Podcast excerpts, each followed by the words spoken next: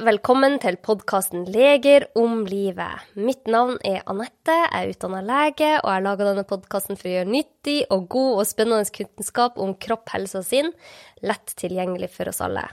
I dag så er jeg så heldig å ha med meg ei veldig dyktig dame. Hun heter Unni Eikeseth, og er norsk kjemiker, forsker, tidligere forskningsjournalist, lærerutdanner og forfatter. Fra 2002 til 2015 var hun vitenskapsjournalist i NRK. Hun har skrevet fire bøker, bl.a. to naturfagsbøker, og nå har hun kommet ut med boka 'Vårt kjemiske liv miljøgiftene rundt oss'. Og jeg er skikkelig spent på dette. Hjertelig velkommen, Unni. Tusen takk. Du har skrevet en ny bok. Du har skrevet fire bøker. Jeg drev og googla deg her. Driftig dame, må jeg si, men nå har du kommet ut med 'Vårt kjemiske liv'. Hvorfor har du skrevet denne boka? Jeg har skrevet den boka for jeg tror at jeg eh, trengte den sjøl, og så tenkte jeg at den, eh, den, bør jo finnes. Og det er kanskje fordi at jeg har lurt på det veldig sjøl. Altså, er du Innimellom sånn, så hører jo du at det er liksom eh, at det er miljøgift der, eller at det ja, er miljøgift der, som, som, du får høre om gjennom media. Da. Og så, så, har jeg begynt å lure på sånn, er det her noe vi bør bekymre oss for? Eller mm. er det sånn som noen andre da sier, at det her er bare helt uh, det her er OK. Bare slapp av, liksom. Ja. Og så tror jeg det at jeg har den bakgrunnen både som kjemiker, og det har jeg jo lært gjennom utdanninga mi. Sant? Vi kjemikere vi bidrar med å lage nye, bra produkt som er for, til menneskets beste, på en måte. Så den bakgrunnen har jeg med meg. Men så har jeg òg jobba masse som journalist, og jeg tenker liksom mer sånn kritisk OK, men stemmer det virkelig? Så tenkte jeg nå har jeg faktisk lyst til å prøve å finne ut av det her. Hva mm. er det vi vet om det her stoffene? Altså hvor mange er de? Hvor, eh, hvor eh, finnes de? Hvorfor blir de i det hele tatt tilsatt i, eh, i ting som vi bruker? Ja, så tenkte jeg nå har jeg lyst til å skrive bok om det og bare prøve å, å, snakke med masse folk og finne ut av det her. Da. Og det er jeg så glad for. Jeg har vært litt engasjert i dette de siste par årene, og har bl.a. en episode tidligere med en lege som heter Pernille Kvernås om miljøgifter. Men jeg, jeg ble så glad når jeg fant deg, Unni, for at det er så viktig at vi snakker om det. Og ja, Vi skal gå inn på masse nå, men, men, det er et tema som angår oss alle, og som angår oss mer enn det gjorde før, vil jeg kanskje si. Hva du vil si til det? Ja, det tror jeg òg. Altså, det er jo sånn at det har blitt uh, utrolig masse stoffer, da, rett og slett. Det er, det er så mange at en, eh, en klarer ikke å holde oversikten i det hele tatt. Og jeg syns det er òg interessant at jeg som f.eks. er utdanna kjemiker, da, jeg klarer jo heller ikke å, å skjønne hva det, hva det, betyr, de navnene som står på sånne ingrediensliste eller eh, de stoffene som jeg hører om. Og da tenker jeg at det sier noe om hvor hvor vanskelig det er egentlig for oss vanlige borgere å forstå hva vi blir utsatt for. Og da kan vi jo heller ikke liksom vite hvordan, altså skal vi, hva vi skal tro om det, og om vi skal beskytte oss.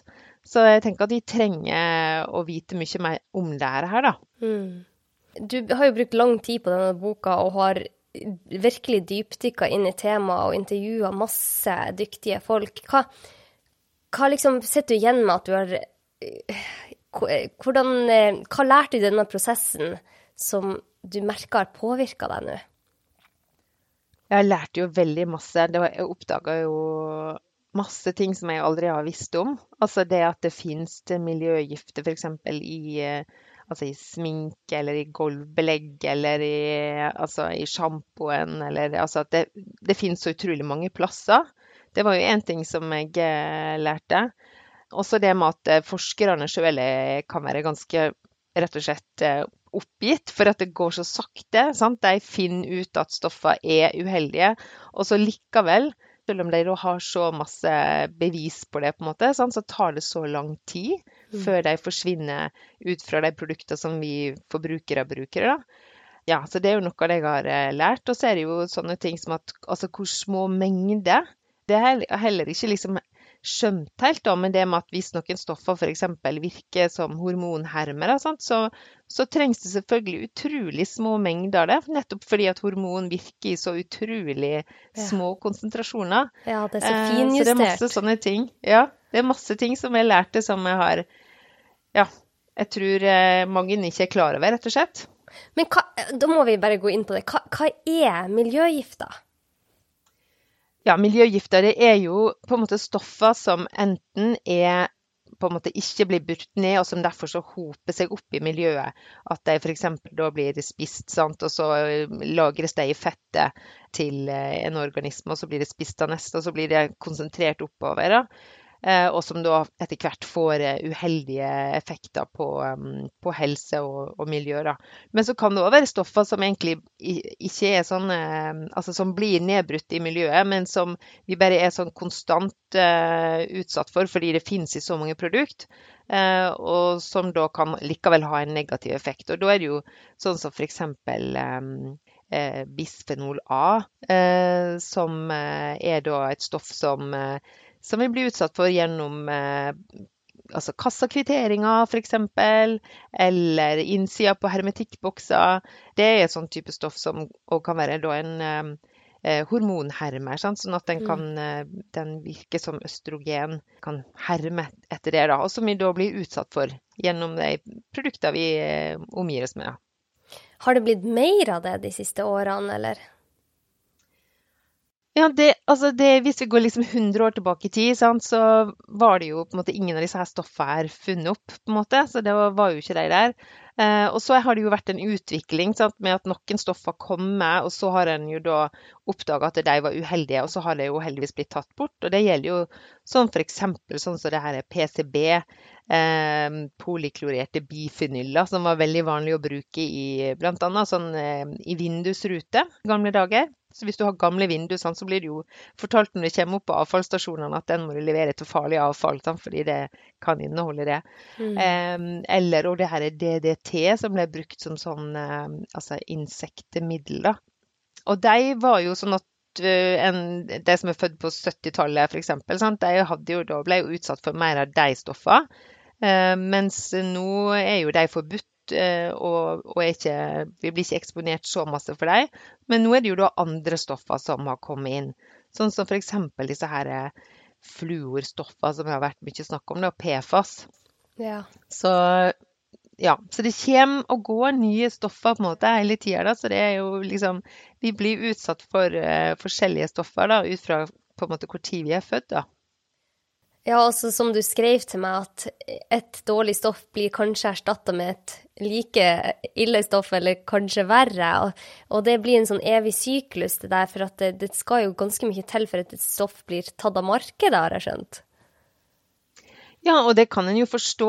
Hvis jeg tenker litt sånn som en kjemiker nå, da, så kan en jo forstå det at industrien er kanskje veldig fornøyd med det, det stoffet de bruker. At det gjør at produktet får liksom noen veldig gode egenskaper. Da. Og da kan en jo forstå det at det er både vanskelig for dem sikkert å finne en god erstatning, og at kanskje da vi som forbrukere da igjen vil bli liksom misfornøyd fordi at vi syns at ikke det produktet funker like bra lenger. da.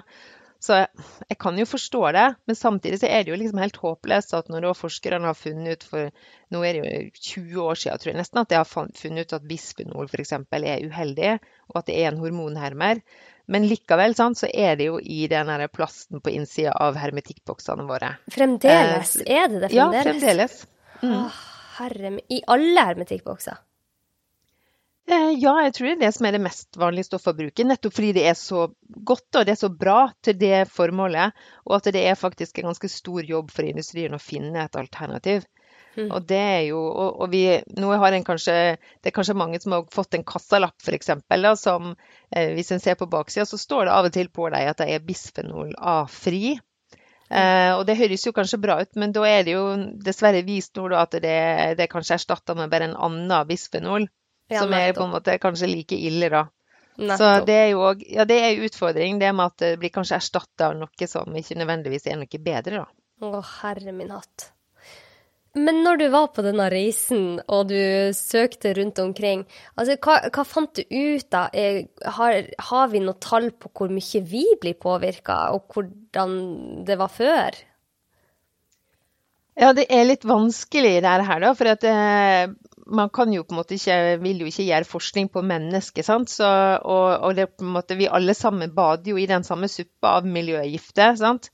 Så, men, men det, det en iallfall vet noe om, det er jo da at det er Altså, en må jo det finnes jo sånne databaser som sier noe om hvor mange stoff som på en måte finnes, det som blir brukt. da. Men det, det, er rett og slett litt vanskelig å holde oversikten over. Jeg vet ikke om noen egentlig har denne oversikten. Men et tall som på en måte skremmer meg litt da, som kjemiker, er at det finnes en sånn database som sier noe om alle kjemiske stoff som er oppfunnet. Mm. Og det, eh, der er det jo nå 150 millioner forskjellige kjemiske stoff. Klart, alle disse her er ikke, selvfølgelig ikke ute på markedet, men det sier noe om hvor fort det går. da, Og at vi nå, det regner med at uh, vi passerer neste 50 millions merke, på en måte, jeg tror allerede neste år, i 2024. Så det går utrolig fort, og den her hastigheten med hvordan nye stoff blir oppdaga. Mm. Ja. Og så er det jo noen av disse der som havner ut på i forbrukerprodukter. Så det er jo, jeg tror det er snakk om en 30 000-40 000 stoffer som på en måte er da, eh, i bruk. Da. Og så er det vanskelig å, å selvfølgelig dokumentere hvilken effekt det har. Det er jo ting som ofte kan ta mange tiår for forskere å avdekke. da. Jeg merker, jeg merker, at jeg blir litt sånn motløs, men jeg håper vi får litt håp gjennom episoden. Men jeg, jeg, jeg, tenker liksom Jeg leste nettopp i det medisinske tidsskriftet at eh, det er en del krabber nå som har så mye miljøgifter i at de, de anbefalte at vi ikke spiste krabbekjøtt. Eh, og man blir jo man, man, tenker sånn Hva skal jeg gjøre? Hvor skal jeg begynne? Det, det er så mye. Det er i havet, det er i naturen vår, det er i lufta. Men vi skal gå tilbake til det, for du har mange gode råd her. Men hva er de ulike kildene vi mennesker får det mest i oss fra? Det er jo først og fremst gjennom eh, maten. Det er iallfall det forskerne sier. fordi det er klart det er, I og med at miljøgifter ofte konsentreres opp sant, i organismer, så er det klart at da havner de gjerne i, i fett eh, sant, ja, i dyr som vi da et. Så da kan vi jo få, få det gjennom eh, å ete kjøtt eller eh, sånn feit fisk eller eh, smør eller melk. Bare fordi det er, de òg eh, har spist ting som da har hatt mm. miljøgifter. Eller så kan vi selvfølgelig få det gjennom altså Fra grønnsaker så er det selvfølgelig um, brøytemiddel, sant, så vi kan få i oss der. Men så er det jo òg da forbrukerprodukt. Sant? Så for eksempel så har en jo er det jo gjort målinger på barnerom, f.eks. At i støvet på barnerom så kan det jo være eh, miljøgifter. Og det sant, som kommer bl.a. fra leikene. Det er jo veldig masse plastleiker f.eks. På, eh, i norske um, barnerom. Sant?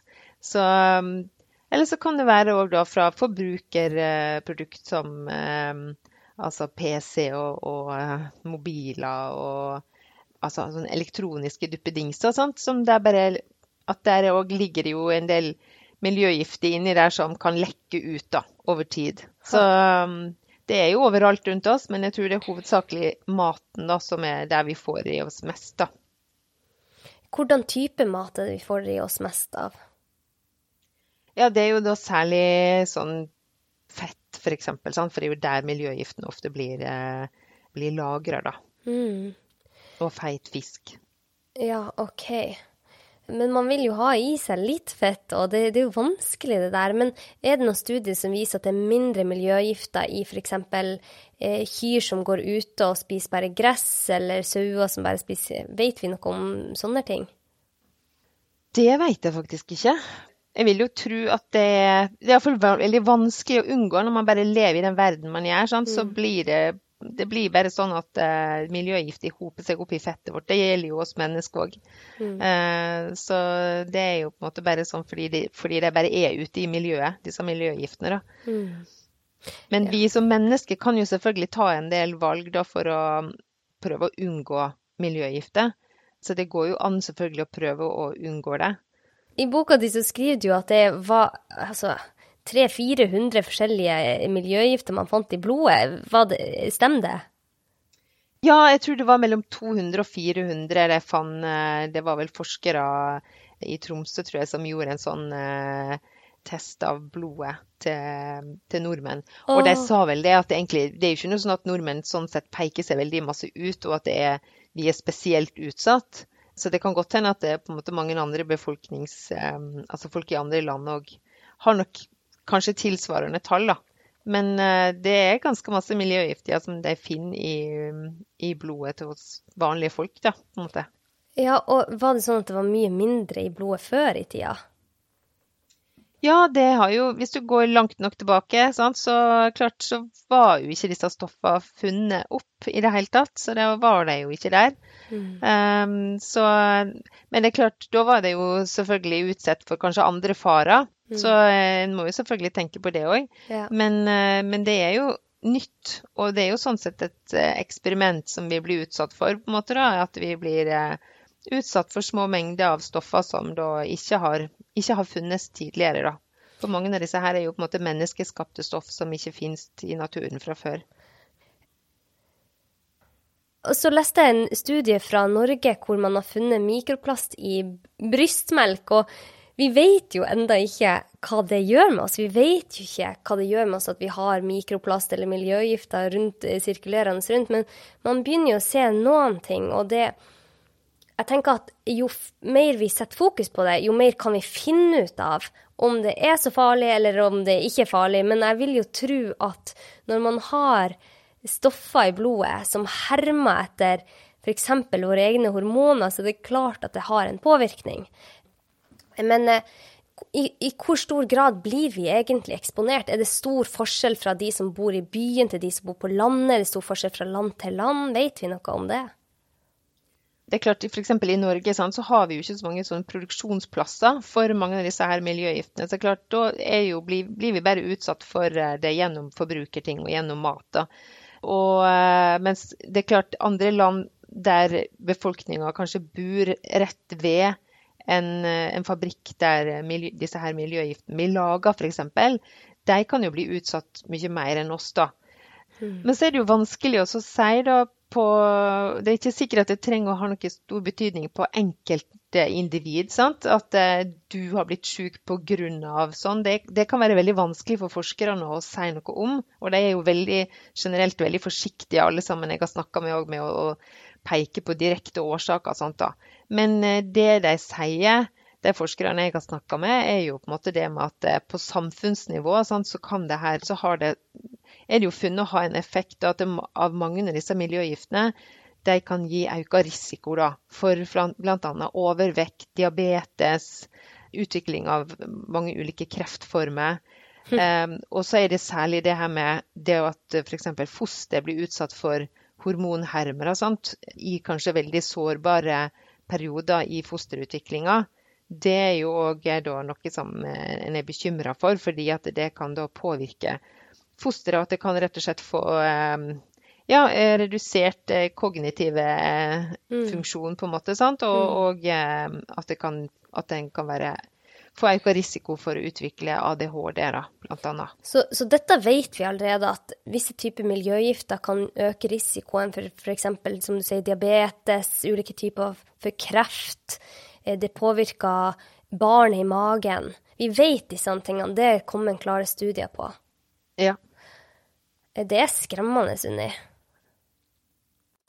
Ja, det er jo det, men samtidig så, så er det jo sånn at forskerne som jeg har snakka med, sier jo at vi må ikke gå rundt og være bekymra for det her. Sant, som, det, det, og det er jo heller ikke så masse vi får gjort med det, at det, at det er på en måte er litt overalt, da. Mm. Men, eh, men, det vi kan gjøre noe med, er jo at vi kan både skaffe oss mer kunnskap, mm. sånn at vi forstår mer om hva slags stoffer er det som finnes her. Og, og da kan vi òg være med på å gjøre valg i samfunnet da, om hvordan er det vi vil ha det, og på en måte hva slags f.eks. rammer og regelverk som skal gjelde for industrien. Sant? I hva ting de putter i, våre, i de varene som vi, eh, som vi bruker. da. Så det er jo, jeg tenker at vi må iallfall begynne med å skaffe oss en del kunnskap. For det, det tror der òg at det er vanskelig kanskje for forbrukere å, å rett og slett få forståelse for hva det her miljøgiftene er. For vi ser det jo ikke. sant? Så da det, kan det være litt sånn utydelig og vanskelig å skjønne hvilket problem det her er. Hmm. Åh, ja. Nei, men det er, det er visse grep man kan gjøre, og vi skal komme til det. Men hva ser vi nå som er det som bekymrer deg mest? Altså, hva er de stoffene som du ønsker helst å unngå, som vi faktisk kan unngå? For vi kan jo ikke unngå svevestøv hvis vi bor ved veien. Men hva er det slags stoffer som du tenker at dette er veldig greit å bare unngå? Ja, jeg tenker at det er veldig mange ting man kan uh, gjøre der da, som, uh, som, forbruker. Så man kan jo f.eks. unngå å kjøpe hermetikkbokser, sant? og så kanskje velge sånne kartonger i stedet for. da. Men hva, er de, men hva er de trukket med? For det, det har jeg tenkt på mange ganger. Det, ja, det, det, har jo gjerne et tynt plastlag, da. Det har de jo, de òg, da. Men, ja. uh, men jeg tror det er først og fremst hermetikkboksene som har den bisfenolen.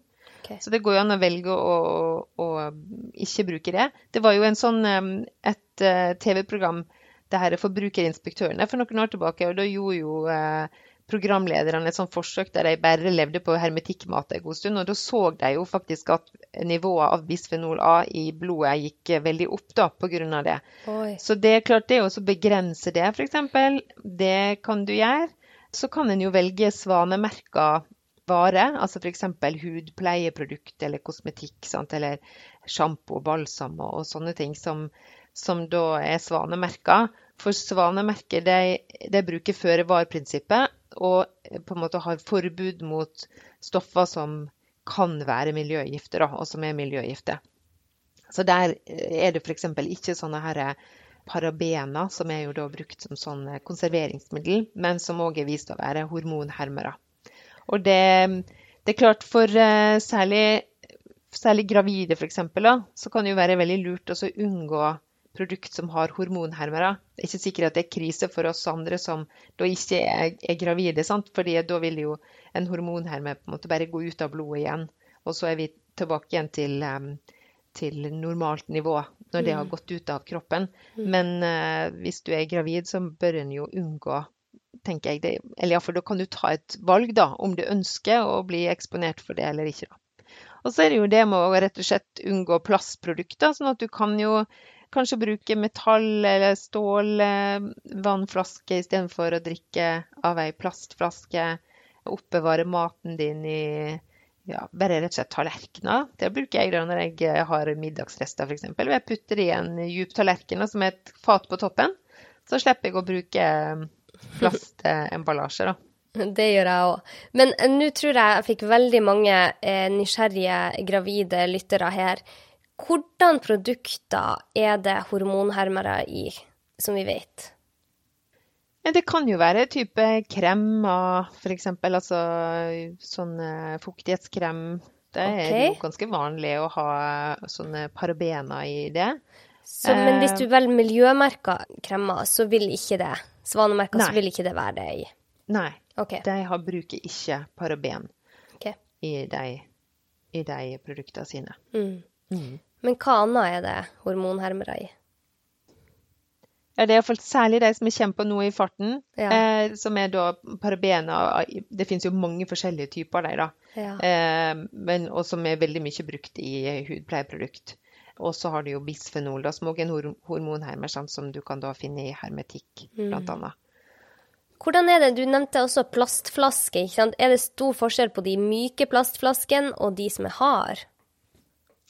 Altså, det er jo noe som har vært eh, en overraskelse for meg i det prosjektet her. Det er jo det at det, det jo, kommer jo stadig mer forskning nå som viser det at plast er ikke bare plast. på en måte. Vi har, hører jo at de forteller at det, det er liksom den eller den polymeren sant, som utgjør det og det plastproduktet. Men så viser det seg når forskerne nå på en måte går inn og så ser de på hva er det som er egentlig i denne plasten. Og da finner de altså massevis, altså ofte mange hundre stoffer i den plasten mm. som på en måte kanskje ingen egentlig visste om at var der. da. Rett og slett fordi at um, og det gir jo mening for meg som er kjemiker. Når du blander sammen eh, kjemiske stoffer, så skjer det jo mange kjemiske reaksjoner ofte. Så det er ikke sikkert at du får danna bare denne lange, fine polymeren som du skulle ha til det plastproduktet, men at det blir danna masse sideprodukter. Og de følger jo med inn i det her plasten. Så det er jo forskning som er gjort bl.a. på eh, NTNU, som da har vist at her finnes det massevis av eh, stoff som eh, kanskje de ikke engang vet hva er. Og det er flere av de ser ut til å ha en rett og slett være toksiske da, og ikke bra. Så, og kan ha òg sånne hormonhermende effekter. Ja, for at den leste jeg, den eh, studien der, og da, da, tok de altså helt vanlige ting, sånn som yoghurtbegre, de tok den der plastkoppen, nei, den der, nei, hva det heter den, den som er på eh, kaffekoppen. De tok, altså, de tok veldig mye sånne vanlige ting, leker, sånne ting som du bruker egentlig ganske mye i det daglige. Og så testa de alle disse produktene, og de fant vel miljøgifter i absolutt alt. Ja, eh, det var vel noen produkt som ikke inneholdt så mange. Men det, men det som de forskerne hadde jo håpa på, var jo kanskje å finne at de kunne gi noen klare råd til forbrukere. Sant? At den typen plast er liksom alltid bra, eller inneholder alltid lite giftstoff. Sant? Mens den her bør du unngå. Men det de egentlig fant, var vel det at eh, det var ikke så lett å Ja, det, det kunne være det, det, var ikke lett å si at det alltid var sånn eller alltid sånn. Nei. Så det gjør jo at vi som forbrukere Det er vanskelig for oss egentlig å vite da, hvor eh, Ja. Men jeg tenker at når du sier det egentlig så tydelig, så tenker jeg at eh, hvis man skal leve etter føre-var-prinsippet, så er det jo kanskje greit å prøve så godt det lar seg gjøre å få treleker til barna, kanskje. Mindre plastprodukter. Men det er jo ikke så veldig lett. Jeg har jo to barn selv, og jeg husker jeg syntes det var veldig vanskelig, det der. Og så tenkte jeg også på de sånn trelekene med all den malingen som flassa av, og det kan jo være ting der. Altså det. Men det å unngå plastflasker, sånn som hvis den har blitt varma opp i bilen, f.eks., en plastflaske, så kaster vi ut det vannet.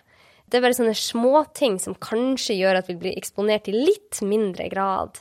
Hvordan andre råd tenker du når det kommer til plastikkprodukter som gjør det lettere for oss å å unngå å få disse stoffene i oss?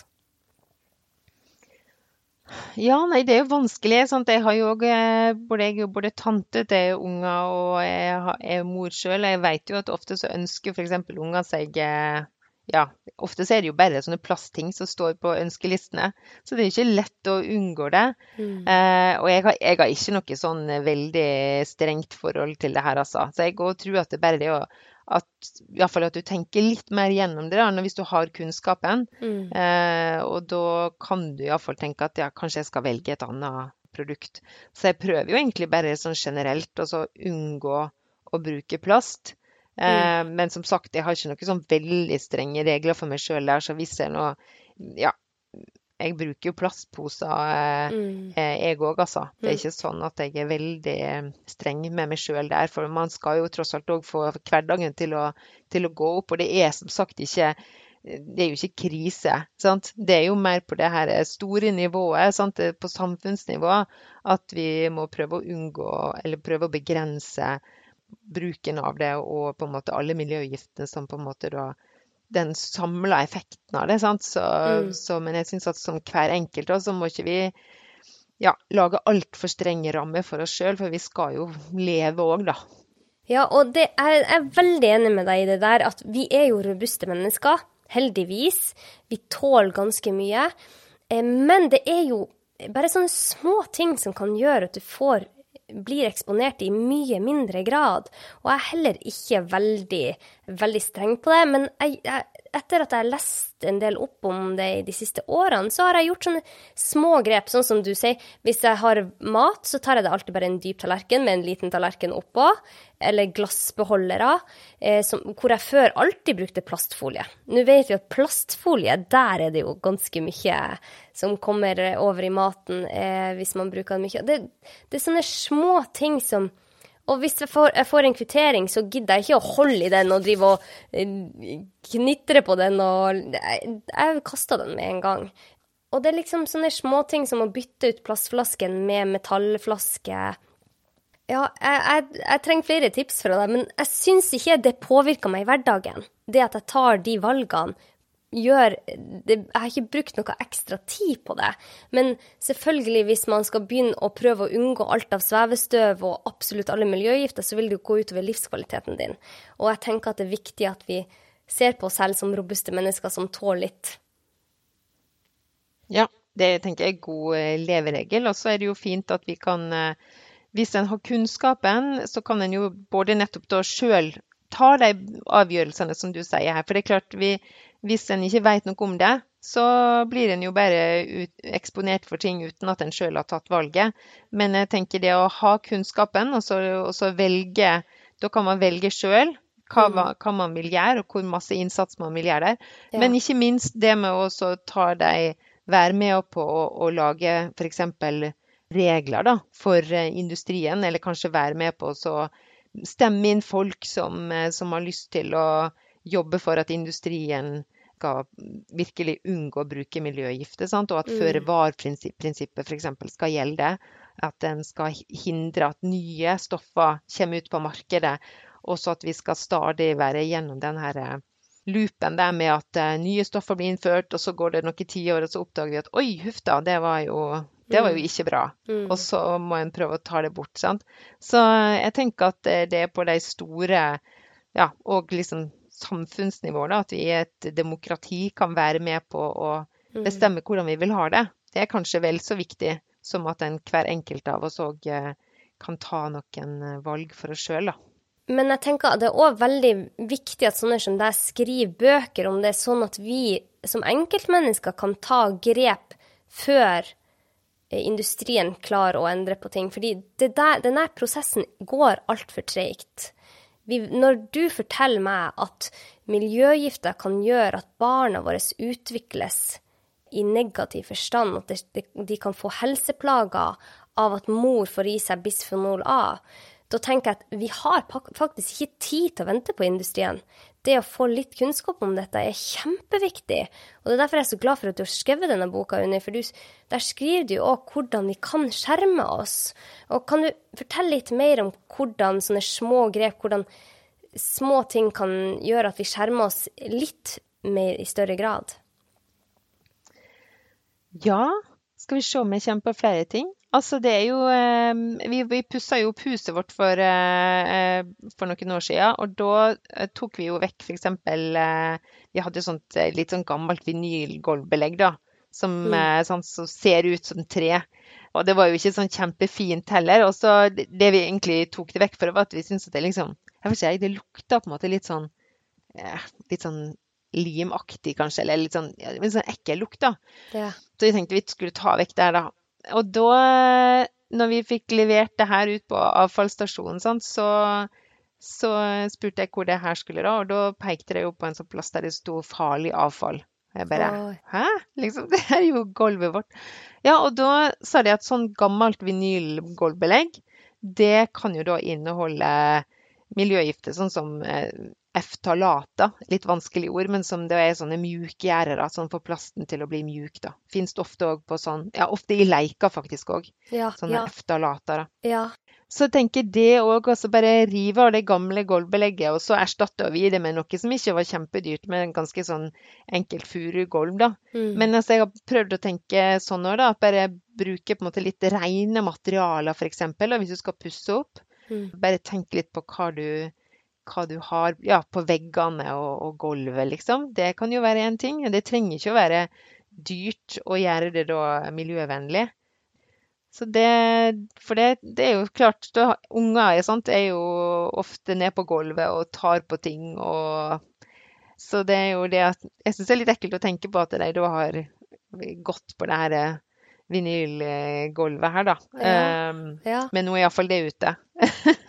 så det er jo en sånn liten ting som man kan, eh, man kan gjøre, da. Men jeg tenker sånn klær og sånne ting. Er det miljøgifter i klærne vi har på oss?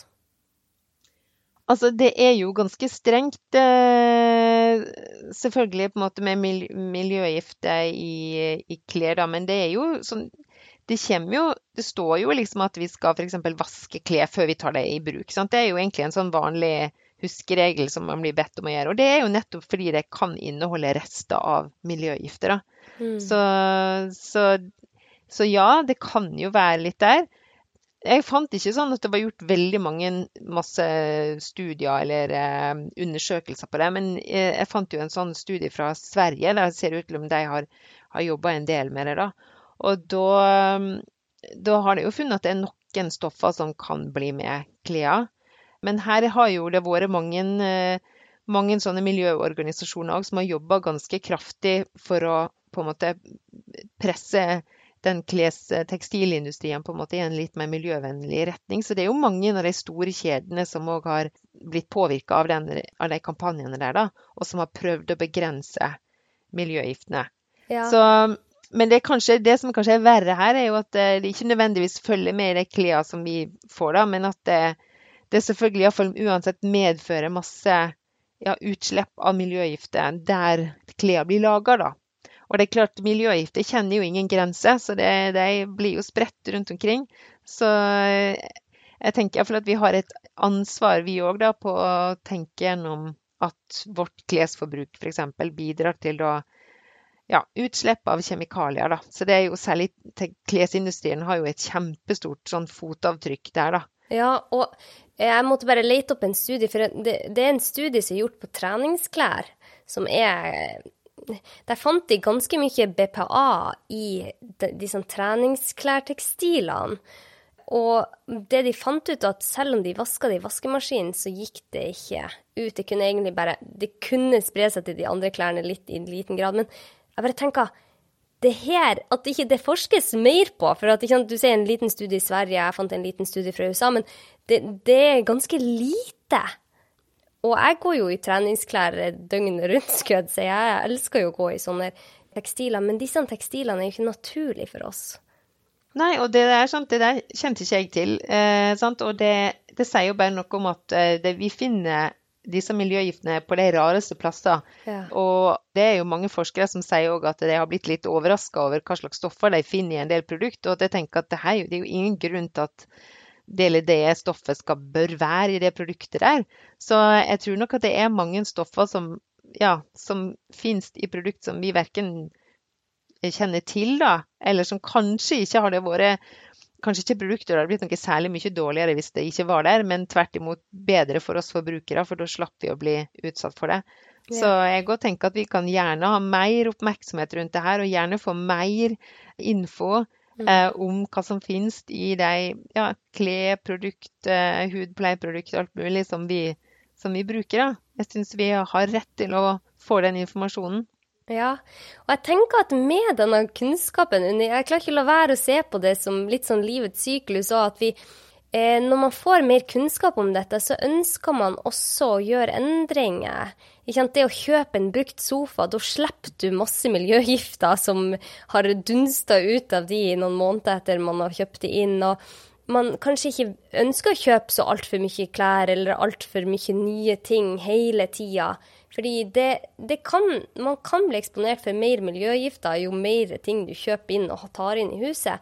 Og jeg tenker kanskje at det bidrar til at vi kanskje på sikt vil leve mer bærekraftig. Jeg merker i hvert fall at det påvirker meg.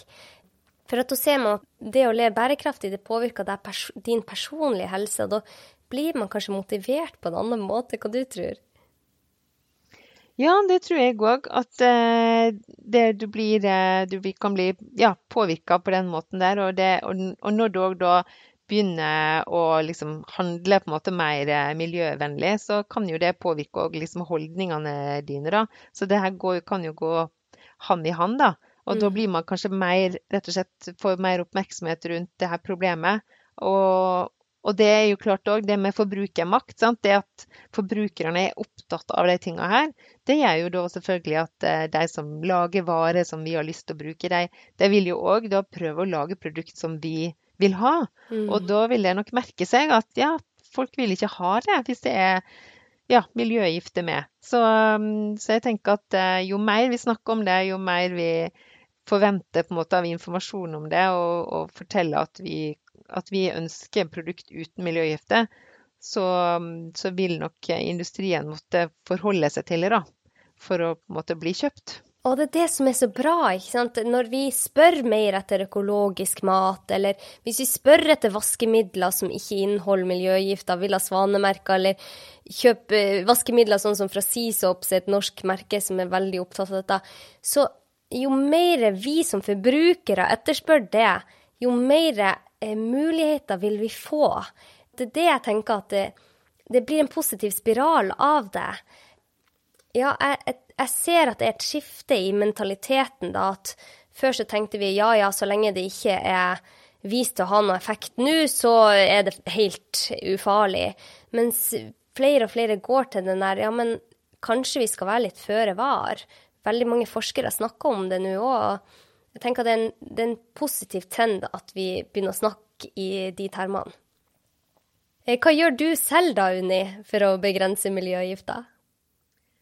Ja, Noe jeg har blitt veldig oppmerksom på, er jo de her, eh, denne svære gruppa med disse her fluorstoffer, disse her fluorkarbonstoffer. Og de er jo nesten helt umulig å unngå, for de er jo etter hvert overalt. Og det, det rare er jo på en måte underveis som jeg har jobba med den boka og sånt, jeg tror i starten når jeg begynte å lese om det, og det sto på Miljødirektoratet sin side, så tror jeg det sto at det, ja, det her er rundt 6500 forskjellige stoffer. Men nå mot slutten av den, eh, altså rett før jeg ga ut boka, så var det jo kommet opp i 10 000, da. Sånn at det, det, det, er, det er bare så mange stoffer, og de finnes da overalt. sant? Altså i, i ytterligere klær sånn, for å gjøre det vann, vannavstøtende i, i gummistøvler. I, eh, det kan òg være i sånn pizzaeske. Eh, altså papp, på en måte, sånn, for å gjøre det vannavstøtende og fettavstøtende. Og så har det jo òg faktisk vært tilsatt i kosmetikk for å gi det en litt sånn ja, lett å smøre ut. Sånn, ja. Å, herre min! Det, disse stoffene er overalt, og så blir det jo kalt uh, forever chemicals. Altså ja. de fordi de er så lite nedbrytbare. Da, sånn at mm. de, og det, jo, det, her har jo da vært masse skrevet om. Sant? Det har vært masse om det i media. Mm. Men disse stoffene prøver jeg òg å unngå. Tenker at det er ja, greit å prøve å unngå dem. Det er vanskelig, da, men jo, hvis en går i butikken, så kan en jo etter hvert nå se at det er en del, det er en del yttertøy som er merka med at det er da fritt for fluorkarboner. Ikke mange, da, men det er litt. Og forhåpentligvis så kommer det jo mer. Jeg håper mm. at det merker seg at folk ønsker å unngå det. Og så prøver jeg, har jo ikke teflonpanne eller sånt hjemme, for det er jo òg da sånne fluorkarbonstoffer som er i det.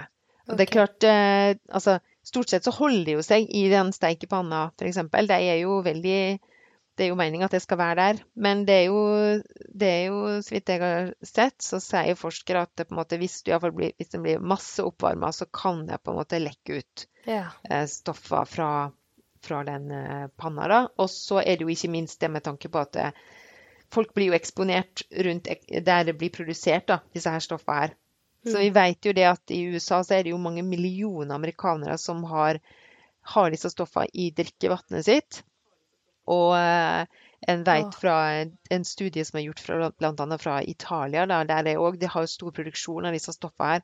Og da har de jo sett det at det menn som bor i området rundt den produksjonsplassen, der ser de at de får kortere penis og mindre testikkelvolum og dårligere sædkvalitet. Så det er helt tydelig at det går Det påvirker på det mannlige kjønns... Eh, ja, systemet, på en måte.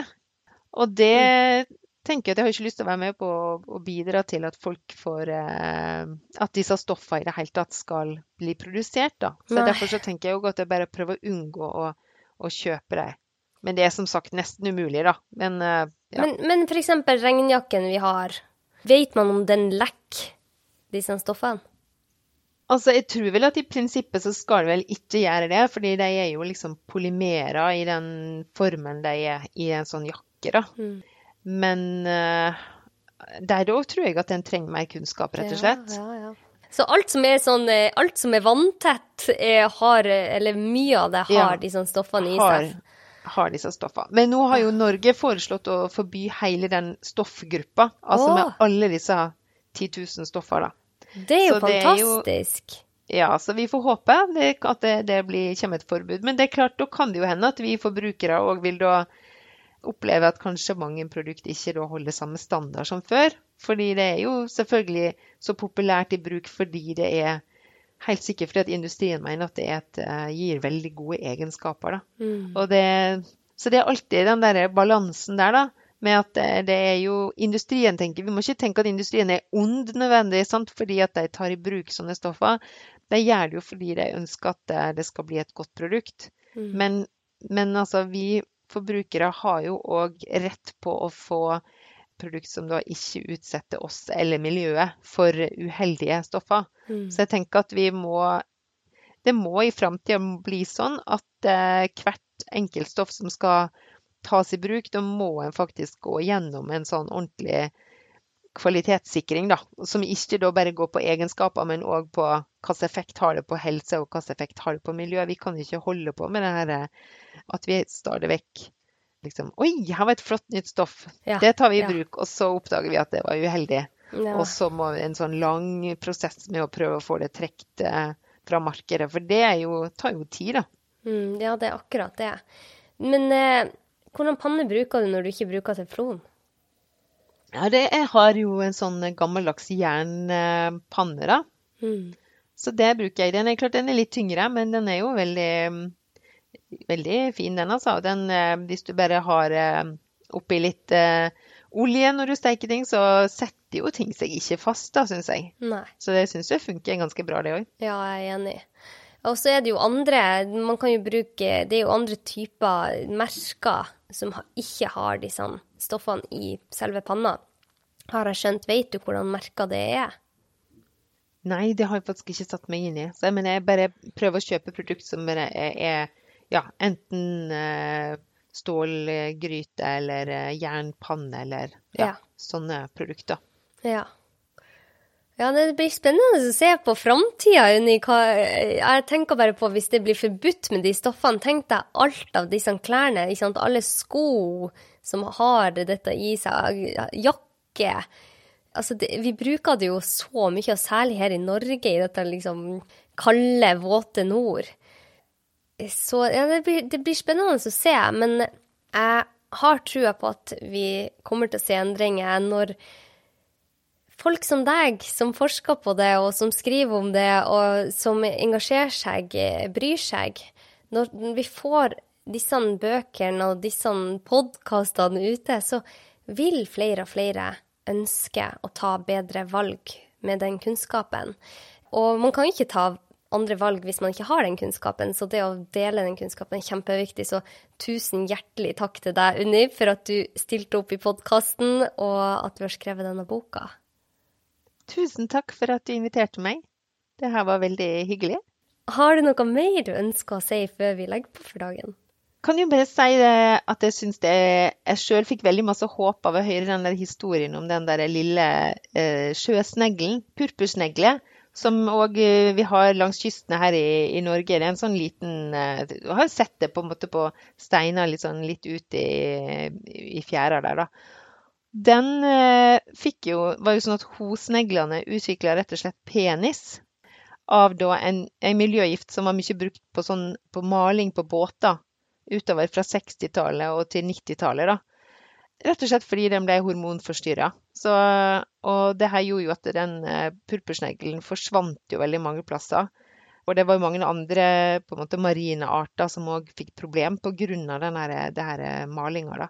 Hm. Men heldigvis så var det jo sånn at når forskere på en måte fant ut av det, forklarte, fortalte og viste fram hva som skjedde, Mm. så reagerte jo Klarte jo liksom hele verdenssamfunnet å reagere og bli enige om å ha Nei, da forbyr vi det stoffet her. Det var da et stoff som heter tributyltin, TBT.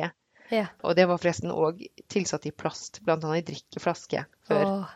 Så, um, så jeg tenker, da så en jo både hvor dramatisk effekt en sånn miljøgift kan ha på en organisme, Ja. og så ser vi òg for et eh, Altså, vi kan handle hvis vi bare vil. Og nå er jo da den eh, purpursneglen er jo friskmeldt. Nei, hvor fantastisk! Så nå ser en ikke lenger det problemet hos deg.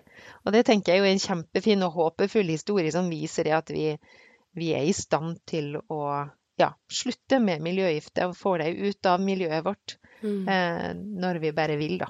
Åh, det er veldig fint at du tar med sånne historier, for det, det gjør òg at vi får litt sånn handlekraft. ikke sant? Vi ser at det, grep kan fungere. Det blir ikke så håpløst som det kanskje kan føles som eh, når man får servert hvor mye miljøgifter vi faktisk blir eksponert for. Så eh, ja, det var veldig fint at du delte den historien. Hvor kan mine lyttere nå deg? Jeg er jo blant annet på Twitter, så der eh, liker jeg å tvitre om eh, nyheter, særlig innenfor forskningsverdenen. forskningsverden, da. Og Ja. følger ofte med på nyheter om miljøgifter og og nye ja, håpefulle løsninger og sånt når det gjelder det. Hva Så heter der du går det der? an å blant annet finne meg. Og hva heter du der? Unni Eik. Unni Eik. Er du på Instagram? Mm. Og på Instagram. Der er jeg òg. Unni Eik. Unni Eikeseth heter jeg vel sikkert der. Unni Eikeset, Og så kan man Ja. kjøpe boka di, 'Vårt kjemiske liv', miljøgiftene rundt oss, i alle bokforhandlere.